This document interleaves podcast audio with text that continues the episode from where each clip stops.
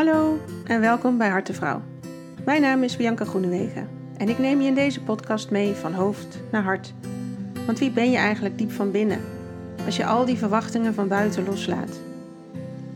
Ik deel mijn ervaringen over mijn eigen pad en praat met mensen die ik onderweg ben tegengekomen. Ik hoop dat ze jou net zo inspireren als mij, zodat jij ook die sprong kan wagen van angst naar liefde. Om weer thuis te komen bij jezelf. Jouw mooie, ware ik.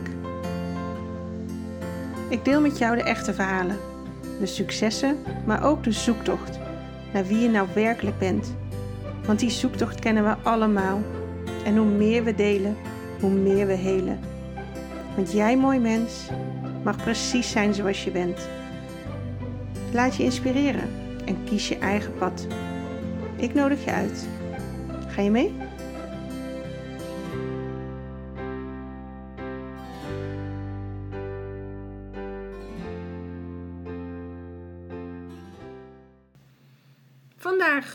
Gezellig in gesprek met Lisette Maaskant, mijn lieve vriendinnetje en uh, loopbaancoach bij Talent Studio. En ehm, waarom Lisette hier zit, is eigenlijk omdat zij de aller, allereerste HSP'er is die ik ben tegengekomen. Applaus. Applaus voor jou, ja. Uh, lang geleden, hè? Ehm, wat zal het zijn? 25 jaar? Bijna, ja. Zoiets? Ja. Maar jij wist al best wel vroeg dat jij hooggevoelig was. Of wist je dat toen nog niet, toen we elkaar leerden kennen? Ik denk dat ik het van mezelf herkende toen ik een jaartje of 16 was. Dus dat was daarvoor. Ja. Hoe oud zijn we al? Ehm, en dat is eigenlijk, ja, eigenlijk gewoon gekomen door het lezen van een boek. En het welbekende verhaal van de puzzelstukjes die dan in elkaar vallen. Dus toen wij elkaar uh, ontmoetten, een paar jaar later, uh, ja, was ik daar al wel mee bezig. Ja. ja. En welk boek was dat? Weet je dat nog? Nou, volgens mij gewoon de klapper uh, van. ja, van Elaine. ja. Oh, hoe heet ze nou toch? Aaron. ja, Elaine Aaron. Ja, ja, die. Dat is er. Met één A. Oké, okay, ja. dus de, je was. En liep je dan op je zestiende vast ergens in dat je op zoek ging naar dat boek? Mm, ik denk dat ik iets eerder in mijn leven vastliep. en later ook? Ja, ja. En um, uh, iedereen heeft natuurlijk zo'n rugzakje wat hij uh, ergens in zijn leven gaat meemaken. Bij mij was het vrij vroeg in mijn leven dat het al wat okay. onrustig was. Um, waar in het gezin waarin ik geboren ben al uh, nou ja, genoeg te verstouwen kreeg, zullen we maar zeggen. Um, en ik denk dat mijn hooggevoeligheid zich vooral in het begin uitte in vermoeidheid. Dus ik, na verhalen van mijn moeder uh, weet ik dat ik uh, uh, toen ik zeven was voor het eerst getest ben op Fiverr. En toen begon eigenlijk een beetje de zoektocht van, maar wat is dat dan? Want ja, ja, ja. Dat, dat, had ik niet. Um, en op school kwamen we er ook wel achter dat ik wel op een aantal ja, dingen vastliep. Um, alleen er was in die tijd gewoon nog helemaal niet zo heel veel over bekend. Dus dan ga je een beetje zoeken van waar zit dat en hoe kan het dat het schoolsysteem niet helemaal past. En nou ja, waarom concentreert iemand zich moeilijker? En um, ik weet dat mijn moeder toen uiteindelijk dat boek gekocht heeft. Oh. Um, en ja, ik denk dat ik toen een jaar of 15 was of zo. Ja. Ja, en dan ineens denk je, oh, maar kijk, Ja. er is gewoon een naam voor. Dit is het. Ja. Ja. ik weet ook inderdaad, toen de eerste tijd dat wij elkaar leerden kennen, dat die moeheid er toen ook nog heel sterk speelde bij jou. Ja. Dat, en hè, dat is natuurlijk ook die prikkelgevoeligheid die daar een grote rol in heeft. Ja, Ehm, maar als mensen jou nu leren kennen, dan is dat stuk, nou niet aanwezig wil ik misschien niet zeggen, maar dat is wel echt enorm ontwikkeld. zeker. Absoluut. Want ehm, met het eh, nou ja, stickertje wat je dan krijgt eh, als hooggevoelig. ehm, ik weet ook dat ik daar in het begin ook helemaal niet zo heel blij mee was. Ik Mhm. wilde niet zo graag het, etiketje. Maar omdat het me veel inzichten gaf, ehm, was het wel nuttig om te gaan gebruiken. Hè? Dan maar even het etiketje. Maar ik ging wel voor mezelf kijken van wat kan er dan wel en wat kan er niet. En ik ben toen wel heel veel dingen gaan aanpassen ehm, in de manier van leven. Ja, En ik denk dat dat het grote verschil is geweest. Ik was eigenlijk al bezig met het accepteren dat ik nooit zomaar een normale baan zou hebben. Want ja, mijn studies kon ik niet afronden Nee, omdat ik dan te veel absentie had. En nou ja, goed. Hè, ik had echt een soort struggle dat ik dacht... als ik gewoon een dag- en nachtritme kan houden... dan ben ik eigenlijk al tevreden. Ehm, en ik, ja, door dingen aan te passen... Eh, in combinatie met dat HSP in je achterhoofd... Ja.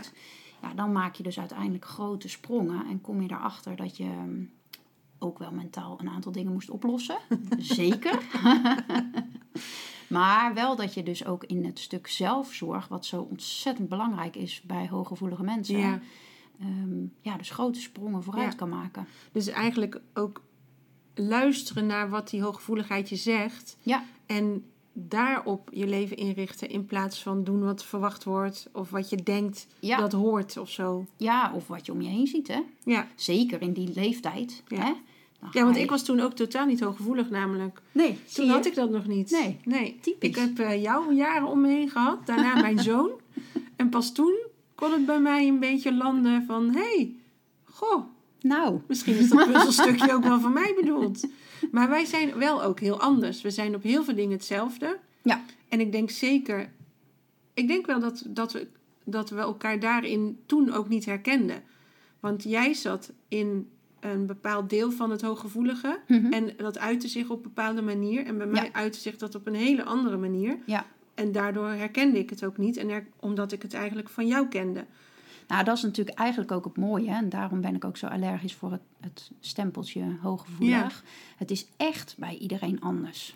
Ja, en, en jij bent denk ik zeg maar naar linksom ontwikkeld. En ik ben juist naar rechtsom ontwikkeld en veel rustiger geworden. En nu kunnen we op best wel veel vlakken, denk ik, elkaar de hand geven. Ja, omdat je misschien inderdaad ook wel iets meer uitkristalliseert hoe je natuurlijk echt bent. Ja, dat heeft ook gewoon met ouder worden te maken. Ja, ja, ja. En zelfkennis. En uh, heel veel gebieden, uh, denk ik, die zeker overeenkomen. Ja. Hè? De zelfontwikkeling die we natuurlijk ook absoluut delen, waar we veel mee bezig zijn. Ehm, maar ja, iedereen die hooggevoelig is, die herkent, nou ja, bijvoorbeeld de, de manier van ruiken wel. Ja, ik heb dat bijvoorbeeld weer helemaal niet.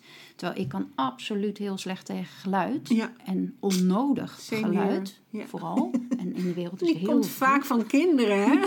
ja. en buren en zo. Oh, hoe vaak ik tegen mijn uh, jongste zoon zeg... Je maakt geluid. En dan kijkt hij, maar hij doet dat ook echt de hele dag hoor. Hij begint met zingen in de ochtend en dat is natuurlijk hartstikke leuk. Ja. Vind ik ook heel leuk. Voor een minuut of drie. En dan blijft het doorgaan en dan maakt hij echt geluidjes. Want hij doet een kap na en hij doet een dit na en een dat. Ja. En dan gaat hij weer zingen. En dan komt hij thuis uit school en dan is hij nog steeds geluid aan het maken of aan het zoomen. Of uh, een geluidjeskoning. Zo een oh. heb ik er ook. Ja. je wordt er echt uh, niet goed van. Nee, en dan soms kan ik het hebben en dan eens in de zoveel tijd, dan gaat het gewoon niet meer. En dan moet ik dus, en dat vind ik heel erg, dat dan zeg ik, je maakt geluid. Ja. Dan denk ik, jeetje, wat is dat nou voor boodschap? Alsof hij geen geluid mag maken. Ja. Alleen, waarom? Want hij weet het zelf niet eens dat hij het geluid maakt. Dus ook dat vind ik wel interessant om bij hem te onderzoeken. Nou, dat is zeker, want in, in je maakt geluid, uh, die past perfect bij mijn. Kan je een keer zelf stoppen? Maar ja, ik ben er eigenlijk wel achter dat dat gedeelte van overprikkeling, daar moet je toch beter mee om leren gaan als je met meerdere mensen in een huis woont. Ja. En dat is eigenlijk natuurlijk onze eigen verantwoordelijkheid. Maar ja, ik probeer dat dan heel lang uit te stellen. Hè? Want ja, ik ben hooggevoelig en zij niet. Ja. Ehm, al denk ik dat mijn zoon er ook wat van weg heeft. Ik wou maar goed, zeggen, denk je niet dat ehm, zij het ook hebben? Ja, zeker wel.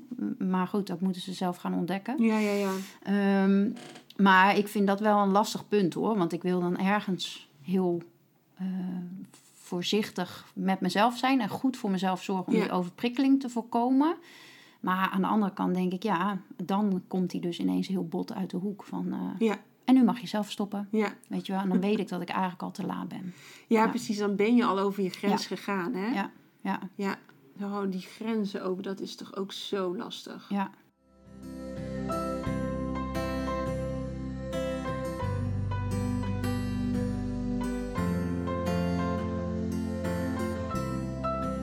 Dat is wel een van de dingen waar ik over nadacht uh, toen ik hier uh, naartoe reed. Um, hè, er zijn heel veel voordelen aan, uh, aan hooggevoelig zijn. Ik zou het ook echt niet anders willen. Ik noem het eigenlijk trouwens bijna nooit meer zo, maar um, er zijn ook wel nadelen. Een van de nadelen vind ik dat onze dagen echt wel veel korter zijn dan die van een ander. Ja, van wat je in een dag kan proppen Ja. bedoel je? Ja, zeker. Ja. Dus als jij het hebt over grenzen, dan denk ik, ja, dat is echt een van de dingen die ik ook geleerd heb om terug te komen op wat jij zegt van dat gedeelte van die vermoeidheid. Ja, ik moet gewoon eerder stoppen. Ja. Ik moet gewoon s'avonds niet al te veel afspraken maken. Ja. Zeker niet als ik een dag gewerkt heb of eh, echt Ja. intensief iets gedaan heb. Of, ehm, ja, dat heb ik ook heel sterk. Ik heb echt tijd nodig met niks op een dag. ja, En dat kan best dat ik één dag gewoon een volle dag werk en ook die avond nog wat heb. Maar dan moet de andere dag moet meteen een pauze in kunnen Ja. worden gebouwd. Ja. Want het is niet vol te houden. En ook als ik al zie dat er drie avonden bezet zijn, ja, dan krijg je het Spaans benauwd. ja, dan krijg je het al bijna benauwd. En Ja. dat kan alleen maar overleven als er genoeg pauzes in die- week nog kunnen worden Ja. Gisteravond zou ik een afspraak hebben en die wordt dan afgezegd. Nou, dat vind ik dan één groot cadeau. Ja, En niet omdat ik die mensen niet wil zien of wil spreken. Want ja, weet je, daarom doe je het natuurlijk wel. Omdat dat ook hartstikke fijn is. Maar ja, het is meer dat je dan denkt, oké, dan kan ik dus ademhalen. ja, En dan ga ik rustiger slapen. en Dan slaap ik beter. Ja. En dan is vandaag Ja. ook gewoon weer Ja. 100%. ja, dat is voor mij is dat ook wel, denk ik, de belangrijkste. En ook wel degene waar ik best wel goed naar aan het luisteren ben. Ja, Eh, om, om die tijd met niks. eh, het geeft je zoveel als je, dat, Ja. als je daar de balans in kan houden. Ja. En ik vond dat ook wel, eh, je, zeker als je jonger bent, dan voel je natuurlijk toch ook wel duf dat je niet overal Ja. Dat je niet donderdag, vrijdag en zaterdag gaat stappen. Ja. Maar ik moest dat gewoon echt niet doen. En langzamerhand neemt dat, die druk neemt natuurlijk wel een beetje af, gelukkig. Maar ehm, ja, het is wel een, een continue aanvoelen van wat doe je wel, wat doe je niet. En inderdaad ook van ja, weet je, ik was ook best wel bang dat als ik te veel vrije tijd nam, hè, oplaadtijd Ja. eigenlijk, dat ik dan dacht, ja, maar er zit ook wel een stemmetje in me wat vindt dat ik, hè, hup, Actie in beweging, actie, ja, ja. en eh, wel dit en nog even snel dat. En zo gaan mijn dagen ook wel heel vaak. Maar ja, nu is het meer een kwestie van die balans houden. Ja. Na rust komt er altijd een moment dat ik denk, eh, zo, nou, dit was ruim voldoende, ik ben er weer. ja, en dan kan je ook gas geven. Hè? Absoluut. Het is niet dat je alles in de vertragende stand hoeft te doen. Nee, gelukkig niet. Nee, Nee, want nee. Dat, dat past ook niet nee, hoor. nee, precies. En wat ik zelf ook merk waar ik heel erg op leeg kan lopen, is als ik veel wisselingen heb. Dus ik vind Ja. het zeg maar goed om de deur uit te gaan eh, naar werk of naar school of naar iets. Dan boodschappen te doen. En dan nog iets te doen en dan weer thuis te komen. Ja. Maar ik kan niet van school weer naar huis. Dan naar de, eh, de bakker en weer naar huis. En dan naar mijn werk en weer naar huis. Oh, Ja. dat is te veel. Als ik dan, dan wil ik thuis, wil ik dan ook weer thuis zijn. Ja. Ik doe liever dan acht dingen achter elkaar. En dat ik daarna twee, we- twee uur met mijn benen omhoog kan. Ja. Dan dat ik het niet combineer en dat ik steeds eh, eh, plukjes neem. Want daar loop ik volledig op leeg. De overgangetjes. Ja, Ja. dat zijn er te veel. Ja, nee, dat, dat herken ik heel erg hoor. Ja. Die overgangen die moeten altijd een beetje soepel zijn en je kan er maar een paar per keer aan, zeg maar. Ja. En in de winter ehm, uitzicht dat bij mij ook zelfs lichamelijk. Als ik drie, vier keer per dag naar buiten ben geweest, word ik ook gewoon niet meer warm. Nee. Dat is gewoon die letterlijke Oh, sensatie die je dan op een gegeven moment... Dus, nou ja, het is, het is gewoon logisch plannen, hè? Want Ja. dat is ook nog het fijne. Op een gegeven moment word je er ook wel heel handig Ja. in. Ehm, dat je dus inderdaad dat soort dingen voorkomt. Je wordt Ja. heel praktisch. Ja, en ik ben zeg maar of weg, dingen aan het doen. Ja. Of ik ben thuis. En dan hoef ik dus niks. Ja. Dat is voor mij een hele fijne verdeling. Maar Ja. niet steeds weer eruit getrokken worden. Dan, Ja. dan ontspan ik ook niet in dat uurtje wat ik dan wel thuis mag. Want dan moet ik nog iets. Ja, ja. Ja. Nee, dat, je moet je leven ook wel zo inrichten dat het bij je past. Zo doe ik dus bijna nooit meer boodschappen. Ja, Die worden altijd bezorgd. Lang leven de tijd waarin we leven ja natuurlijk. zeker. Ehm, en ik ben rustig eh, anderhalf, twee uur bezig met het doen van de boodschappen online. Maar dat dat elke week gewoon voor de deur staat, dat, is, nou ja, dat levert gewoon Ja. zoveel energie op. Dat je niet in dat vreselijke licht Ja, met al die gekke mensen om je heen. ja. En al die drukte. En iedereen beweegt. Ja. Ja, nou dat. Ja, precies. Ja, nee, dat, dat, ja, dat Ja, het is gewoon zo'n ding op de agenda die je Ja. dan dagelijks moet doen. En eh, Ja. ja. er passen gewoon maar een paar dingen op die agenda. Heb je het ook met sporten? Dat, eh, met bijvoorbeeld balsporten. Vind je dat leuk of juist vermoeiend? Nou, sport is een van de dingen die als eerste van die agenda zijn gegaan. ja, en dat heb ik dus echt. Weet je, sporten doe je meestal s'avonds. Ja. En als ik mijn hele eh, eh, agenda van de dag heb gehad, ja, dan, dan, wil ik, klaar. ja, dan wil ik gewoon de deur niet meer uit. Dan moet er gewoon opgeladen worden.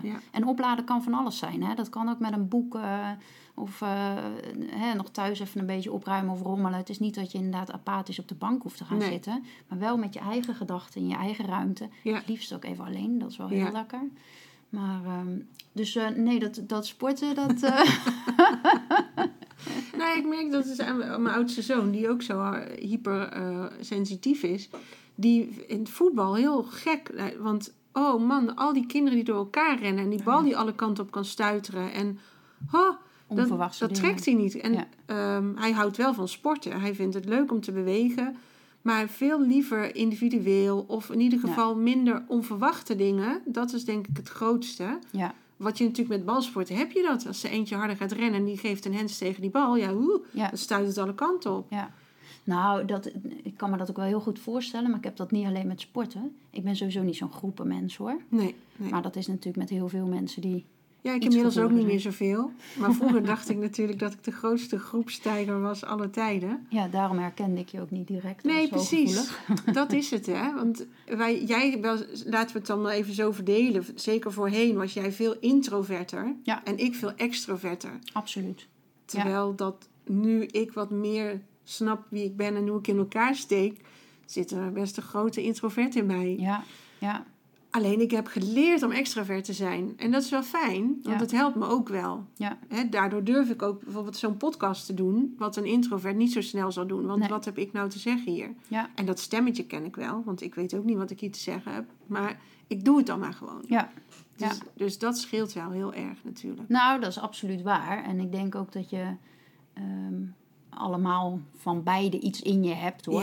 maar je hebt wel sterk een kant waar je naartoe beweegt. En uh, ja, dat zijn wel dingen wat je echt um, voor jezelf moet kunnen plaatsen. Weet je wel, ik weet nog wel dat op mijn werk ook gevraagd werd van. Ja, je, jij vanuit jouw rol gaat nu een presentatie geven voor uh, eh, 60 man. En uh, dat ik ook echt dacht van ja, dat, dat hoort hè, tegenwoordig. Dat je dat gewoon dat doet. moet je kunnen. Ja, dat, ja. En er werd letterlijk gezegd van jij bent er gewoon en jij gaat dat doen. Want het is belangrijk om je comfortzone te stretchen. En ik dacht ook echt van ja, nou ja, dat, dat moet ik dan maar doen. En nou ja, later, uh, nou ja, ongeveer nu twee jaar geleden is Human Design op mijn pad gekomen. En daar kwam ook heel duidelijk naar voren dat dat dus helemaal niet bij mij hoort. Nee. Nou ja, dat haakt dan weer samen met die gevoeligheid. Weet je, het, het is niet mijn rol, ik word er niet blij van. Nou, ik weet ook niet of ik echt goed kan overbrengen wat ik op dat moment wil zeggen. Ehm, dus ja, weet je, dan, dan denk ik van ik ga dat dus ook niet meer doen. Dus dat, dat stretchen van je comfortzone, dat mag wel. Dat is hartstikke goed, want we hebben allemaal dingen nog steeds te leren. En je kan daar echt wel grote stappen in maken. Maar wel in een omgeving waarin jij floreert en waarin jij ja. je op je gemak voelt. Ja, precies. En ook daarin gewoon weer dat luisteren naar jezelf en je intuïtie, denk ik, zeker als gevoelig persoon, is daar best wel sterk in. Ja. Alleen kan je gedragingen aangeleerd hebben die daar nog sterker overheen gaan. Ja. Maar als jij de intuïtie leert herkennen en daarna luistert, ja. dan, dan komt er al zoveel meer uh, uit je handen ook, denk ik. Absoluut, ja. Maar, maar dan, dan nemen de prikkels ook af omdat uh, je intuïtie wel weet wat goed is voor jou. Als je er echt naar leert luisteren en je krijgt uh, bij veel mensen het hoofd natuurlijk een beetje stil. Hè, van wat hoort en, en waar wil ik aan voldoen en welke rollen wil ik eigenlijk allemaal vervullen. Ja, dan ga je weer over die grenzen waar we het over hadden. Dus die intuïtie, die weet echt wel wat voor jou logisch is hoor. Precies. En eigenlijk wist ik dat dus ook. Want ik was echt, ik stond op punt om mijn baan op te zeggen. Omdat ik in een hoek geduwd werd waarvan ik dacht, ja, maar dit ben ik helemaal niet. En ik wil dit ook helemaal niet leren. Het is helemaal niet mijn ding. Maar goed, achteraf was het natuurlijk toch wel weer een heel mooi leerpunt. Ja. En, en wat vind je voordeel van het hooggevoelige? want het is niet een last of zo, hè? Nee, Nee, zeker niet. Nee, zo, ervaar ik het, ook helemaal niet. En eh, het is meer het, het puzzeltje, inderdaad, het, het uh, ontdekken van het introvert zijn. Ehm, ook zoiets waar natuurlijk zo'n lading op zit. Hè? Want wij in tegenwoordige maatschappij moeten allemaal maar extravert zijn en het allemaal regelen voor onszelf. Maar eigenlijk dat introverte, dat, dat past wel. Ik vind dat ook eigenlijk wel heel prima. Ja. Ehm, om terug te komen op je vraag, wat vind je er fijn aan of wat is een voordeel? Ja, dat is toch wel ehm, het omzien naar anderen, denk ik. Hè? en het makkelijk met jezelf in contact kunnen staan. Al heeft dat ook jaren geduurd en ben ik nog steeds lang niet klaar hoor. Want het hoofd dat, uh, heeft een heel hard stemmetje. Maar ja, het omzien naar anderen en ehm, ook wel een soort helikopterview die je Ja. makkelijker blijkt te hebben dan anderen. Ja. Moet ook op je pad komen, hè, wil je daarachter komen. Want je gaat er natuurlijk eigenlijk vanuit dat iedereen dat op die manier ziet. Ja, precies. Want ja, dat is de wereld die jij kent. Ja. Dus dan denk je dat de hele wereld zo in elkaar steekt. En dat is ook niet zo. En dat is wel het mooie wat ik nu ook ontdek in de coachingshoek, zeg Ja. maar. Dat je ehm, ja, vanaf een afstand, ik kan goed luisteren naar mensen, ik kan makkelijk verbanden leggen. En eh, nou ja, dan de hoogoverblik te kunnen delen met Ja. mensen, dat is, eh, Ja. blijkt tot nu toe eh, heel helpvol, zeg Ja. maar. Ja, Ja, precies. En, en dat voelen, dat is ook voelen wat er bij iemand gebeurt. Hè, als die met jou in gesprek is. ja, En, en dat helpt ook enorm natuurlijk in je werk. Ja.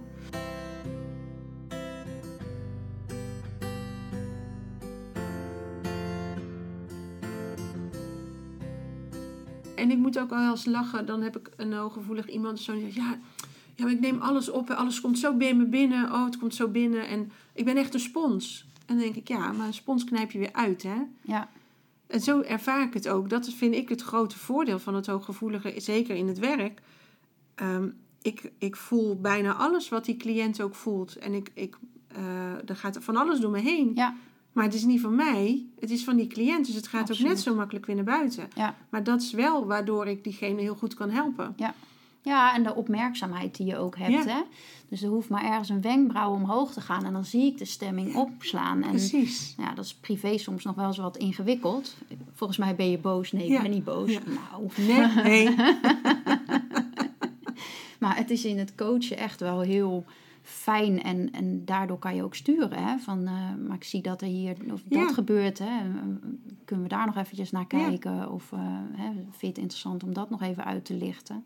En ja, dat, dat, ja, ik weet natuurlijk niet hoe andere coaches dat doen die niet hooggevoelig zijn. Maar ik vind het wel, voor mijzelf is het echt een tool die ik daar zeker in gebruik. Ja, ja, ja, dat denk ik ook. Ja, dat heb ik ook hoor. ja. En ook denk ik daarvan, dus ehm, er komt heel veel binnen bij hooggevoelige mensen. Maar op het moment dat jij dus luistert naar die gevoeligheid en je omstandigheden aanpast en zorgt dat je die ontspanning hebt en dat je minder prikkels binnenkrijgt, dat je minder afspraken maakt, dat is goede zelfzorg. Maar op het moment dat je dat ook doet, is die spons niet meer zo vol. En dan komt Nee. alles niet meer zo binnen. Want dan is het te handelen wat er binnenkomt. Ja, nou, Dus- dat ontprikkelen is inderdaad dat uitknijpen van die spons. Hè? Ja, en dat kan ook op duizend manieren. Absoluut, en dat moet je gewoon heel serieus nemen. Ja, En, eh, en dat is natuurlijk, als je, dat is precies wat jij zegt, dat is dat stuk zelfzorg. ja, Waardoor je op een gegeven moment jezelf zo goed kent dat je het dus in kan zetten, maar ook ja, wel weer van je af kan zetten. ja en eventjes. waarmee je uit die slachtofferrol gaat van... oh, oh, oh, wat ben ik toch gevoelig. Ja, Want daar heb ik ook wel een beetje een eh, allergie op zitten. ja, herkenbaar. Van nee, ik ben zo gevoelig. Ja. Eens uit. Nou, het wordt dan ook een soort eh, schild waar je achter gaat eh Ja, want dan mag je maar alles doen Ja. en vinden. En, en, want ik ben zo gevoelig. Ja, en zo vreemd is het ook niet, hè? Want één op de vijf mensen die is gewoon gevoeliger. Ja. En er Ja. zijn natuurlijk ook eh, allerlei studies gedaan dat zelfs fruitvliegjes eh, eh, tot aan paarden ook hooggevoelig kunnen zijn. Dus het is helemaal niet zo bijzonder in de zin van dat, nou ja, dat je er erachter kan verschuilen. Want ja, we zitten gewoon eh, allemaal in dezelfde wereld. Het Ja. is alleen ja, die, die gebruiksaanwijzing, die handleiding, ja. die moet je wel serieus nemen. Want ja, wat Ja. dat betreft reageer je wel gewoon anders Ja. dan Ja, maar je bent ook niet voor niks in deze wereld geboren. Waarmee je dus met die hooggevoeligheid staande mag gaan houden. Ja, En dat heeft een reden, denk ik altijd maar. absoluut. Ja, Eh, dus ook daarin kan je niet alleen maar blijven wijzen naar de maatschappij. Ja, maar de maatschappij verwacht dit van mij. Nee, dat is het idee wat jij hebt. En hoe kun jij die zelfzorg laten zien Ja. binnen de maatschappij? ja, laten we dat eens wat normaler gaan maken. Want dat is niet alleen voor hooggevoeligen interessant. Nee, dat is voor iedereen. Absoluut, ja. ja. Ja, En dat is natuurlijk wat we het laatste jaar ook hebben gezien. Van stap een klein beetje uit de ratrace. Ja. Het is een heel moeilijk jaar geweest hoor, voor heel veel mensen. Ehm, dus het wil niet zeggen dat de ratrace thuis niet was. Hij heeft zich alleen verplaatst. Zeker. En op Maar, andere vlakken. ja, En, en, maar ik, ik heb ook heel veel rust ervaren afgelopen jaar. Ja, Ik vond het zalig dat we niet drie dingen in het weekend hoefden te doen. ja, en die avondklok, van mijn part, blijft die. Want ik vond het heerlijk dat om tien uur de, de wereld rustig Ja. werd. Ja, en eh, even serieus. Wat doe je nou als eh, in de 40 met je gezin Wat doe je s'avonds na tien uur nog? Ja, ik heb dat ook niet gemerkt. Ik haat het als iemand me regels oplegt. Daar heb ik heel veel moeite mee. Nou, dat hebben we dan weer gemeen. hè? Dat stuk herkennen we in elkaar. Maar ja, wanneer was ik nou s'avonds om tien uur buiten? Zeker met restaurants dicht. Als ik dat al deed, was het één keer in de twee maanden. Ja.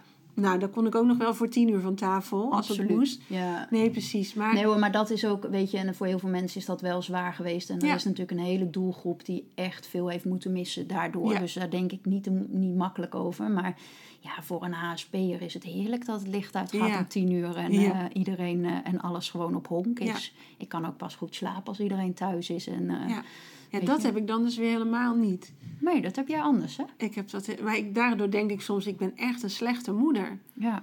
Want, en ook als zij logeren, dan... Ik ga niet bellen of het goed gaat. Nee. Het is niet dat het me niet interesseert, maar ik ga ervan uit dat het goed gaat.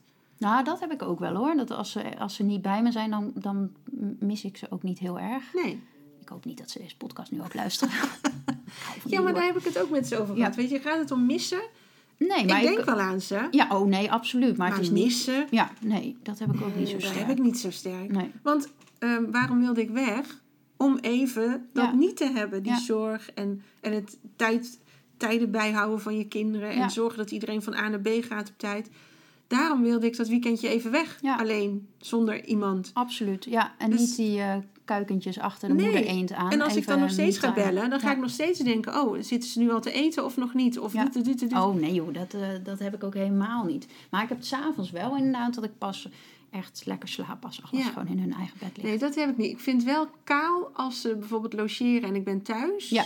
Of als er eentje logeert en ik ben... En, en dan, vind, dan mis ik wel echt iets van... hé, hey, hier klopt iets niet helemaal. Dat heb ik wel heel sterk. Ja. Als ik zelf weg ben, dan ben ik weg. Ja. Ja, ja. ja. ja grappig. En dan heb je ook nog echt, uh, want ik vind dat toch wel iets anders dan per se een extravert persoon, heb je de high sensation seekers. Ja. Hè, die zijn ook gevoelig, ja. maar die gaan echt vol. Dat zijn bijna ADHD-kinderen, zou je ze soms kunnen noemen. Ja. Of mensen. Ehm, die gaan alleen maar prikkels opzoeken. Ja. Nou, ik heb mezelf wel eens afgevraagd of ik daar wat van heb. Ehm, want ik wil wel altijd actie in de tent. Ja. Ehm, maar ik heb niet de energie die zij hebben. Nee, precies. Dus dat is wel echt anders. Ja. maar ik kan wel met het grootste gemak mijn hele leven omgooien. Oh. Of ik verhuis nog eens een keer of zo. Precies. Uh, dus ik heb wel, ik heb, die actie heb ik wel nodig hoor. Het is niet zo dat ik uh, al. Uh, ik krijg ook echt rillingen als mensen dus ergens twintig jaar kunnen wonen. Ergens heb ik ook wel een beetje respect ervoor. Dat ik denk, ja, maar hoe doe je dat dan? Ja. Aan de andere kant omarm ik dat stuk ook maar. Dat ik denk, ach, nou, ja. het is ook wel. Ja, maar dat is misschien ook een deel uit jou wat losstaat van die gevoeligheid. Wat gewoon een deel van jouw essentie is. Ja, ja, en ik heb ook echt niet de behoefte aan die structuur, dat die altijd hetzelfde is. Wat natuurlijk heel veel mensen juist wel rust kan geven. Want ik hoef niet na te denken wat ik ontbijt of waar ik vandaag uh, naartoe ja. rijd qua werk. Ehm, ja, dat heb ik dus niet. Nee. precies. Daar hadden we het net even van tevoren over. Hè? Die middenmoot, waar we allebei een beetje allergie op hebben. Een beetje, misschien is dat een understatement. Ja, um, Wat wel grappig is, want inderdaad, vanuit ons allebei... die gevoeligheid heeft heel veel behoefte aan uh, breaks en aan het, het niet te, te veel maken. Waardoor je zou denken dat oh, als we allemaal maar gewoon blijven kabbelen, dan komt het wel goed met die energie. Maar nee, want die energie moet wel gevoed worden. En die voed je door die actie in de taxi te krijgen. Ja, absoluut. Dus dat heb ik ook. En ook als het te gezapig wordt of te voorspelbaar. Ja, dan moet ik wegwezen. Ja, uh, ja go. dacht ik niet. ja, dat herken ik heel sterk hoor. En uh, ja, weet je, dat is, dat, ja, voor mij is het echt gewoon het gevoel dat ik leef. En dat je dus echt nou ja, um, stappen zet waarvan je nou ja, juist dat, dat gedeelte voedt. En um, groeit ook. Dat is het ook. Ik heb het idee dat ik stilsta. Ja. Maar ik kan wel, en dat is nou ja, misschien of de hooggevoelige kant of gewoon het type mens. Ik, ik snap wel dat andere mensen juist heel goed gedijen op die gewoontes en die rust. En helemaal het niet interessant vinden om te gaan verhuizen, want ze wonen toch prima. Of die nog heel gelukkig bij hun werkgever zitten, waar ze al 15 jaar zitten. En, dus ik snap dat wel. Alleen voor mezelf ja. wil ik Nee, precies. Ik heb ook wel ik heb wel prikkels nodig, inderdaad, om dat leven te voelen. Ja. Eh, heel sterk. En ik denk niet dat ik mega avontuurlijk ben of zo daarin. Maar net als, nou ja, mijn banen heb ik allemaal nooit zo heel lang gehad. Want daar was ik gewoon op uitgekeken. Ja. Ja. En het doodsaai, zeg Ja. maar. Ehm, dan heb ik later ook geleerd dat dat ook met eh, een hoogbegaafdheid te maken kan hebben. Mhm. Maar het heeft ook denk ik wel met bepaalde prikkels te maken. Ja, dat is bij hoogbegaafdheid natuurlijk ook. Die moeten ook geprikkeld worden. Ja, ja, Ehm, maar ik vond ook echt werk gewoon saai als ik dat twee jaar had gedaan. Ja. En meestal deed ik één jaar, was alles leuk, want dan ja, was het nieuw. Dus leren. prima. ja. En dan het tweede jaar mocht je het allemaal alleen doen. Nou, dat was ook prima. Maar ja, wat zou je dan het derde jaar nog gaan doen? ja, Ik kon daar echt niet in, eh, in blijven berusten. Dus dan ben je maar gaan hoppen. ja. En daar vonden mensen allemaal wel wat van. ja, dat is weer zo'n ding van de maatschappij. Want dat is dan weer niet zo slim voor je cv, hè? Ja, terwijl ik denk nu juist, als ik... eh, ik begeleid nu natuurlijk ook mensen weer richting de arbeidsmarkt. En als ik dan zie, oh, je hebt acht jaar dat gedaan en twaalf jaar dat. Ja, Dan denk ik, nou, dat is niet zo heel erg breed. nee. Maar ja, dat is mijn Ja. interpretatie natuurlijk. Ja. Ja, gek is dat eigenlijk, hè? maar wel mooi om te zien hoor. En, en ik ben wel blij dat je, nou ja, net als wat jij eh, natuurlijk op je werk eh, ook heel erg gedaan hebt en, en ook verhuisd. En ik ben wel blij dat je dus mensen hebt die die, die, die sprong wel wagen. En inmiddels, eh, nou ja, mijn, mijn goede vrienden hebben dat ook allemaal geaccepteerd. En die komen nu ook rustig weer eh, op bezoek, ook al wonen we wat verder. Ja, Ehm, dus het zijn wel de mensen buiten die kring die dan nu zeggen van... eh, oh jee, hè, zou je dat wel doen? Of, Ja. En volgens mij heb jij dat ook wel. Dat je nu je gewoon je route qua carrière gestart hebt. Ja. In, in de hoek waar je echt gelukkig van wordt. Dat iedereen met liefde en plezier naar je luistert. En niet meer vindt van... Oh, hou je het wel in het hokje van dit of dat? Of, eh, Ja. Dus je kan daarin wel echt een voorbeeld zijn hoor. Om, Ja. om, nou ja, om het gewoon te doen. ja, op Ja. te staan en eh, te kijken van waar ben je echt goed in, waar word je gelukkig van en welke prikkels heb je nodig en hoeveel prikkels heb je nodig.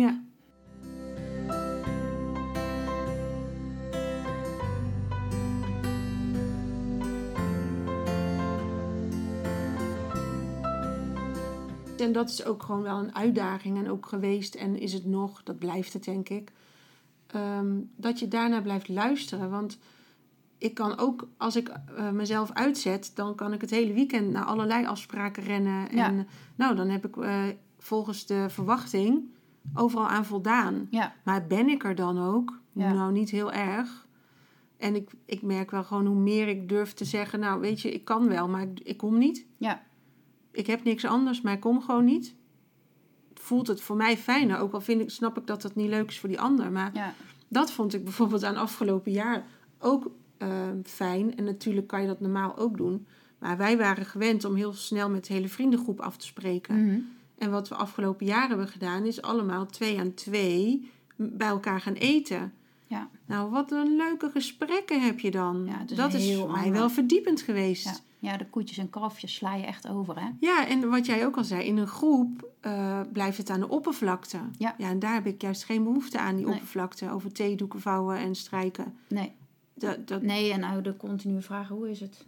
Ja, En dan houdt het weer op, want er is komt het? iemand Ja. bij. Of, weet je, en, en het is ook logisch dat er geen sfeer ontstaat om daar echt antwoord op te geven. Het gaat dan altijd goed met iedereen, bij wijze Ja. van spreken. ja, Terwijl ik juist wil weten van ik vraag het aan je en ik wil weten hoe het echt is. precies. Daar gaat het me om. En als het niet goed gaat, wil ik het ook weten. Ja, Want dat voel ik toch. ja, Je kan Ik wel ja zeggen. je. Ja, je kan het wel zeggen, maar ik zie aan die ogen dat er van alles loopt te blinken. ja, En dan zeg je het niet. Ja, dat heb ik ook wel heel sterk. ja.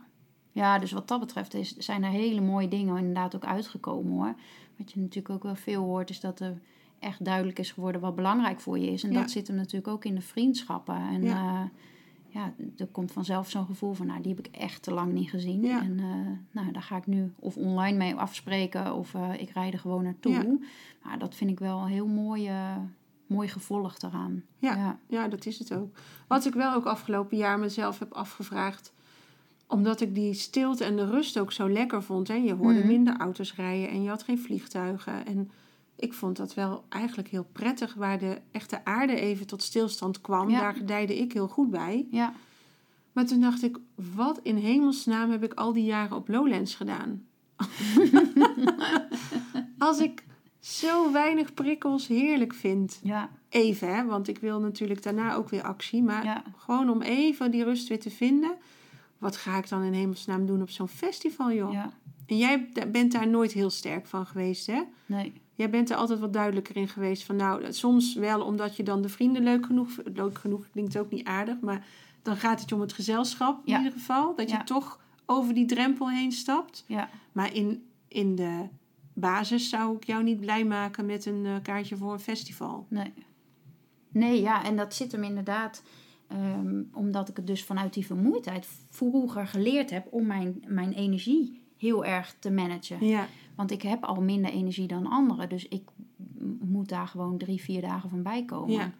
Wat wel zo is, is dat ik wel een sukker ben voor herinneringen maken. Ja, precies. Ja. dus dat is wel, uh, dat is de andere kant van het verhaal.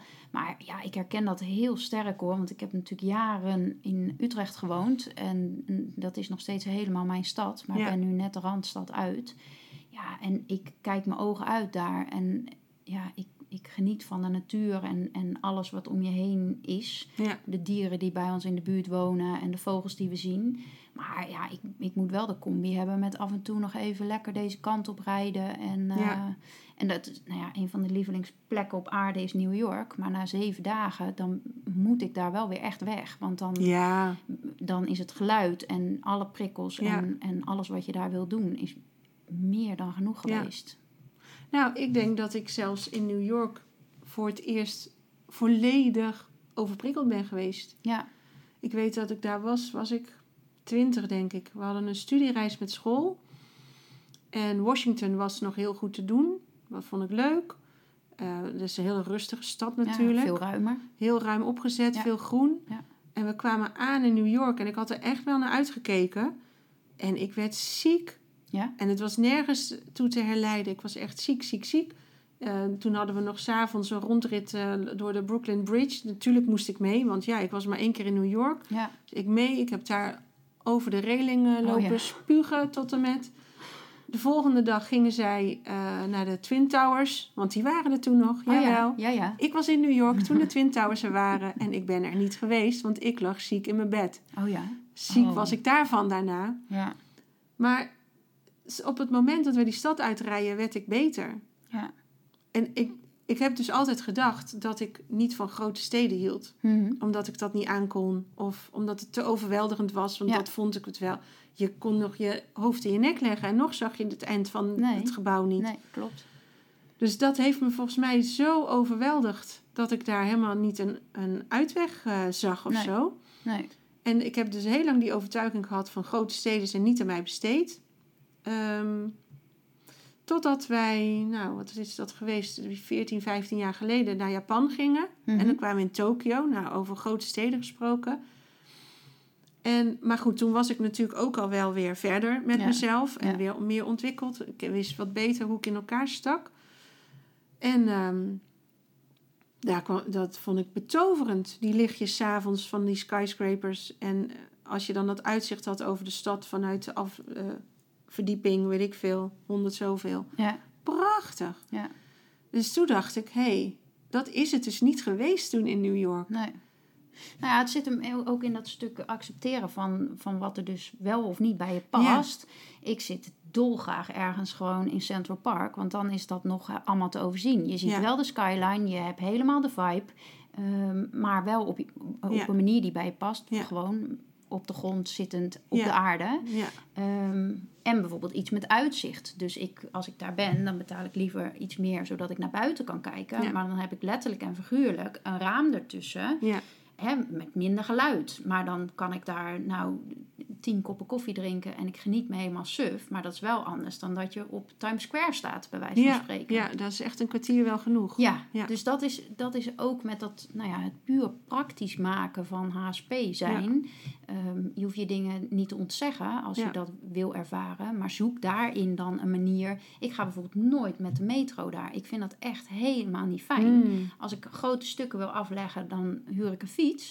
En eh, voor de rest loop ik. En dan maar minder ver. Dan maar niet heel Manhattan door, want dat gaat dan gewoon Ja. niet op een dag. Maar zoek wat dan bij je past. En ja, dan kan je dus inderdaad ervaren dat het wel bij je past. Ja. Alleen wel op jouw manier. Ja, ja. Ja, waar ik nu ook aan moet denken, daar moet ik ook nog zo om lachen als ik daaraan terugdenk. Toen ik mijn vrijgezellenfeest had, weet je dat nog? Toen werd ik uitgenodigd door jullie en ik moest alleen daar naartoe komen. En dat was voor jou echt de hel om Ja. ergens alleen naartoe te Hoe gaan. konden ze je dat aan? Jij vond dat inderdaad echt Ja. een, de grootste straf die er bestaat, is ergens alleen naar binnen moeten. Ja, ik spreek ook altijd, als ik ergens in een cafeetje afspreek of iets, voor de deur af. Want dan hoef ik binnen niet te zoeken. Ja, echt hè? Ja. Ik vind dat zo grappig. Terwijl ik kan heel erg genieten van in mijn eentje lunchen. Oh ja, nee. Want dan, dan kan ik gewoon heerlijk dat ene broodje verorberen op mijn tempo, op mijn Ja. manier, met niemand waar ik rekening mee hoef te houden. ja. Ehm, dat vind ik zalig. Ja, nee. En dat is voor jou echt hell on earth ongeveer. ja, ik heb het inmiddels wel geleerd dat ik af en toe een nachtje wegga. Of dan, dan doe ik er wel gelijk twee, want anders heb je er niks aan, vind ik. Dus eh, dat wordt mij gelukkig ook wel eh, gegund door mijn eh, man. Ehm, en dat vind ik heerlijk. Maar dan ga ik dus ergens wel in een appartement. Dat ik dus A, uitzicht heb. Dus daar, dat is al helemaal Ja. passend. Lekker mijn eigen boodschapjes mee.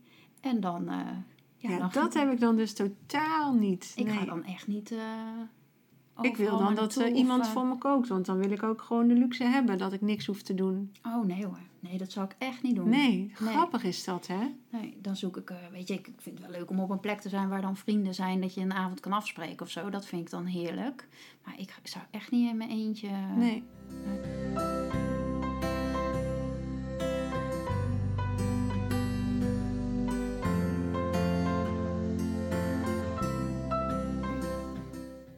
vond dat zo grappig toen dat je zei: Oh, ik vond het zo erg dat we jou uitnodigden en dat je alleen moest komen. Ja. ja, en ik mocht je niet ophalen, want dan was natuurlijk de hele verrassing. eh, Ja. ja, nee, maar dat is grappig. En dat zijn van die dingen die je dus dan, nou ja, als je nog niet zo heel veel over jezelf weet, dan is dat verlegenheid, hè? Vroeger was het dan verlegenheid. Ja. Ja. En nu denk ik, nee joh, dat zit gewoon in heel wat anders. Dat zit hem gewoon in dat introverte stuk. Ja, En, Ja. ehm, waarin jij niet de spotlight op je wil krijgen. Nee, Ja. nee, en dat is dus heerlijk, want ik heb nu vriendinnen die dat helemaal begrijpen. Ja. En die zeggen dan, oké, ik zie je buiten. Ja. ja, maar ik was juist toen, en dat, dat, ik denk dat ik er nog steeds wel zo in sta. Ehm, het is wel een interessant trouwens, daar moet ik nog even over nadenken. Maar ik dacht, hoe kan ik nou iets eng vinden waarbij ik door alle lieve vrouwen om me heen ben uitgenodigd om naartoe te komen? En ik weet als ik daar kom, dan zijn zij daar. Ja, Dat is toch het leukste wat er is? Ja. Ik vond dat heerlijk, ik voelde me helemaal gepamperd ja. daardoor. Nee, ja, dat is inderdaad een stuk spotlight waarvan ik dan denk, oh nee, dat, dat, dat Ja. vreselijk. Nou, daarom moest ik er even over nadenken hoe ik daar nu in zou staan. Want ehm, ik, voorheen vond ik die spotlight wel prettig. En ik weet niet of ik die nu nog heel prettig zou vinden. Al is het wel nu, waardeer ik de vrouwen om me heen nog meer dan voorheen. Dus zou ik me nog vertrouwder voelen om naar hun toe te gaan. Ja, Maar om daar dan zo als een showcase binnen te komen, Ja. mm, dat weet ik ook niet. Misschien dat ik dat nu dan toch ook anders wel zou doen. Misschien lag jij we- gewoon jaren voor in ontwikkeling op mij. Dat kan ook. gewoon eerder moeten leren, denk ik. Ja, je had Ja. een hardere leerschool. Ja, dat is het, denk dat ik. denk ik ook wel, ja. Jij hebt het wel op de harde manier moeten leren. Ja, dus dan, eh, dan heb je niet zo heel veel keus. Dus dat, eh, dat zou Ja. een verschil kunnen zijn. En ik denk dat nu wij jou beter kennen, dat wij ook een hele andere dag voor jou zouden maken. Dat is ook interessant natuurlijk. Gaan we niet naar Kite Henkie? Ja, Ja, oh, wat lachen. ja, door de jaren heen, hè? Ja. Ja. En jij zei aan het begin van, ik noem het eigenlijk nooit hooggevoeligheid, hè? Nee. Ja, er zit, bij jou zit daar een aversie op het labeltje. Ja. Hoe, hoe noem je het dan? Niet? Nee, ik noem dat gewoon zoals ik ben. Dit Ja. is onderdeel van mij. Ja, ja, of eh, als mensen er echt, echt een naam aan willen geven, dan zeg ik, nou, ik ervaar dingen anders dan eh, de meeste mensen of zo. Of, eh, Ja. en ik denk dat dat een beetje komt door het type mens wat jij omschrijft met ik ben zo gevoelig, alles komt zo binnen. Ja, ja. Het, je moet Oh. voorzichtig met mij zijn. Je dat. hoeft helemaal niet voorzichtig met mij te zijn. Nee. Het is aan mij hoe ik dat manage. Ja, Dat is mijn, ik moet mijn grens aangeven. ja, dat is, dat is mijn verantwoordelijkheid. Ja. En eh, daarom wil ik dat labeltje helemaal niet hebben. En daarom geef ik hem denk ik ook nog niet zo makkelijk aan mijn kinderen. Ja. Ehm, ook op school wordt dan ook wel gezegd van hij heeft wel veel door. Hè? En ja. hij is een van de weinigen die dan vraagt hoe mijn vakantie is geweest, vertelt dan de juf. Ehm, en dan knik ik en dan zeg ik, nou dat vind ik lief en fijn om te horen dat hij dus ook die blik naar de ander heeft. Ja. Ehm, maar ik, nee, ik ben echt niet de moeder die dan zegt van hij is wel gevoelig hoor. Ja, dat moeten ze maar zelf ontdekken. Dat, Mhm. Ik praat er wel met hem over, hè? Dat, dat hij dingen anders kan ervaren dan anderen. Ja. Maar het woord gevoelig of gevoeliger, dat zal ik, of hooggevoelig, dat, eh, dat gebruik ik Nee. niet zoveel. Nee. Nee. Nee. Oké. En je dochter? Die lijkt nogal op de moeder. ja, ja, dat is wel een vrij eh, klassiek eh, verhaal. eh, dat zo'n lief veel weg heeft van de vader. En mijn dochter inderdaad meer op mij lijkt. Oké. Ehm, dus die herken ik heel erg in het... Ik regel het zelf wel stuk. Ja. Er gebeurt iets, maar zij kan ook vreselijk dichtklappen. Ja. En dat herken ik ook wel. Ja. Als de harmonie eventjes er niet is, Ja. dan sluit zij zich helemaal af. En dat heb ik ook nog steeds. Ja. Ja. Ja. Oh ja, dat kan mijn jongste ook hebben. Die, heeft, ja, die gaat inderdaad dicht. ja. ja heeft- de oudste heeft dat ook wel, maar op andere vlakken of zo. Ja. En, de, en de jongste heeft dat inderdaad op sfeer en op, op het overweldigende stuk vooral. Oh ja. Ja. Als hij in de, in de spotlight staat, dan, dan komt er niks uit zijn handen. Nee. Terwijl als je hem laat, heeft hij gewoon de grootste mond eh, van de hele groep. Ja. Maar zet niet die microfoon onder zijn neus. En dat herken ik ook wel. Ja. Ik zong op feestjes altijd het hardste mee. Maar dan kwam die zanger met zijn microfoon aan. dacht ik, doe eens even niet. Oh ja. Ja. Ik was gewoon lol aan het maken Ja, hier. laat me. Ja, ja. Ja, nee, dat, dat herken ik bij haar ook wel hoor. Dat, eh, ja, dat, dat, dat echt, eh, nou ja, bijna... Uittunen. vers- ja, verstenen echt. Ja. Van, eh, dus ja, of dat hem dan zit in... Ik zie het bij haar gebeuren op het moment dat er ehm, een discussie is. Of, eh, Ja. hè, of als er iets, ja, of iets in de lucht hangt qua ruzieachtig iets of Ja. zo. Dan kan zij echt eh, aangaan. Dus dat is wat ik nu herken in het gevoelig zijn. Maar Ja. eh, nou, voor de rest... mijn zoon die kan ook zien dat er een papiertje anders ligt... dan, dat het vanochtend naar school, dan toen hij vanochtend naar school ging. Dus die ziet dat direct. Terwijl ik af en toe denk van... ja, ik weet wel van mezelf dat ik dat heb... maar ik kan bij hem nog wel verbaasd daarover zijn. Ja. Ja. Ja. En dat is hun zoektocht, hè. ja, zeker. Dat is niet aan ons. En gelukkig is er zoveel meer bekend, joh. Echt. Ja, absoluut. Ja. Stel dat jij nu 16 was. Ja. En, en ehm, of stel dat jij nu in aanraking zou komen met hooggevoeligheid voor het eerst. Wat zou dan, wat zou jouw hooggevoelige zelf dan als eerste les willen geven aan die nieuwe hooggevoelige? Hè, Of mensen die dingen wel herkennen, maar het nog niet van zichzelf zien of ervaren. Ja, het grote stuk zit volgens mij toch eerst op de acceptatie. Ja, Acceptatie dat je dus het anders ervaart. ja. En, en dat is geen discussie, hè. Dat is gewoon... En het is ook niet slecht. Nee, dat Nee. is wat het is. Ja, Eh, het is niet minder. nee, Het nee. is gewoon wat bij je past. Ja. Ja. Sterker nog, als je het kan gaan gebruiken, kan het zelfs nog wel eens meer worden. Weet je wel? Mhm. Dus ehm, dat, dat, dat herkennen en accepteren, dat is denk ik echt het eerste stuk wat je Ja. mag gaan doen. En daarna is het dus inderdaad kijken van hoe kan je je leven inrichten zoals jij dat wil. Om Ja. jouw mooiste leven te leven. Ja. En het is een term die we natuurlijk op het moment hartstikke veel horen. Maar het is ook echt zo.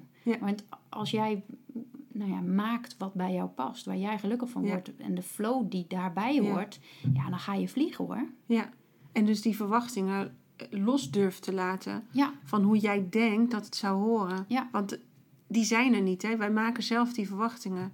nou dat vind ik wel inderdaad hoor. We kunnen, wat jij al eerder in het gesprek ook zei, van we kunnen wel steeds zeggen de maatschappij. Ja, maar blijkbaar is dat ook het deel wat jou aanspreekt. Want niet de hele maatschappij is Nee. precies hetzelfde. Nee, dat denk ik ook. En eh er verzacht al gelukkig een heleboel meer. Ja, ja. Dus ehm, ja, ook dit onderwerp hoor je gewoon veel meer voorbij komen. Op scholen bijvoorbeeld wordt daar natuurlijk ook al heel anders naar gekeken. Ja, Dus wat dat betreft denk ik dat, dat je in een goede tijd zit om het te mogen ontdekken. ja.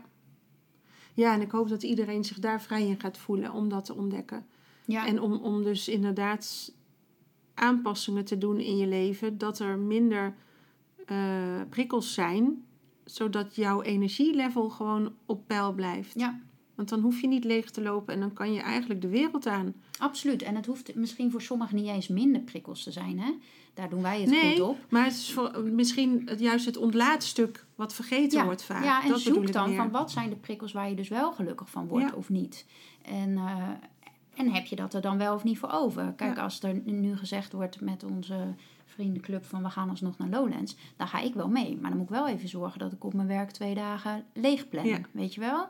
Dus het heeft gewoon te maken met dat stuk accepteren en dan het passend maken wat voor jou. Uh, ja, wat, wat omdat je energie krijgt van vrienden, heb je het ervoor over om leeg te lopen. Ja. Maar dan moet je dus zelf zorg hebben op de momenten daaromheen. Ja, ja, dus zoek de dingen die bij jou passen. Ik, uh, als ik met vrienden afspreek, dan doe ik dat heel graag aan het eind van de middag.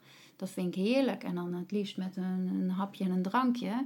Ehm, maar je maakt mij niet blij om s'avonds om negen uur pas af te spreken. Want dat, dat trek ik gewoon niet. Dan is de dag gewoon af. Ja, dat klinkt heel stom. Ja, en uh, nou ja, ik zit liever te picknicken in een park met uh, stel uh, spelende kinderen omheen, dan dat ik met vrienden naar de bioscoop ga. Ja. vind ik veel te overweldigend, het is veel te hard en ik spreek ze niet. En dat is nou wat ik het liefste doe, met mensen in, in contact zijn en, en echte ontmoetingen hebben. Dus ja, op die manier jouw, jouw leven neerzetten, ja, dat is, dat is denk ik het, hetgene wat ik iedereen het meeste gun. Mooi. Ik zeg, uh, it's a wrap. Dankjewel, lieve schat. Ja, jij ook. Leuk om hier te zijn. Goed zo. Dankjewel. Ga je snel weer zien. Yes.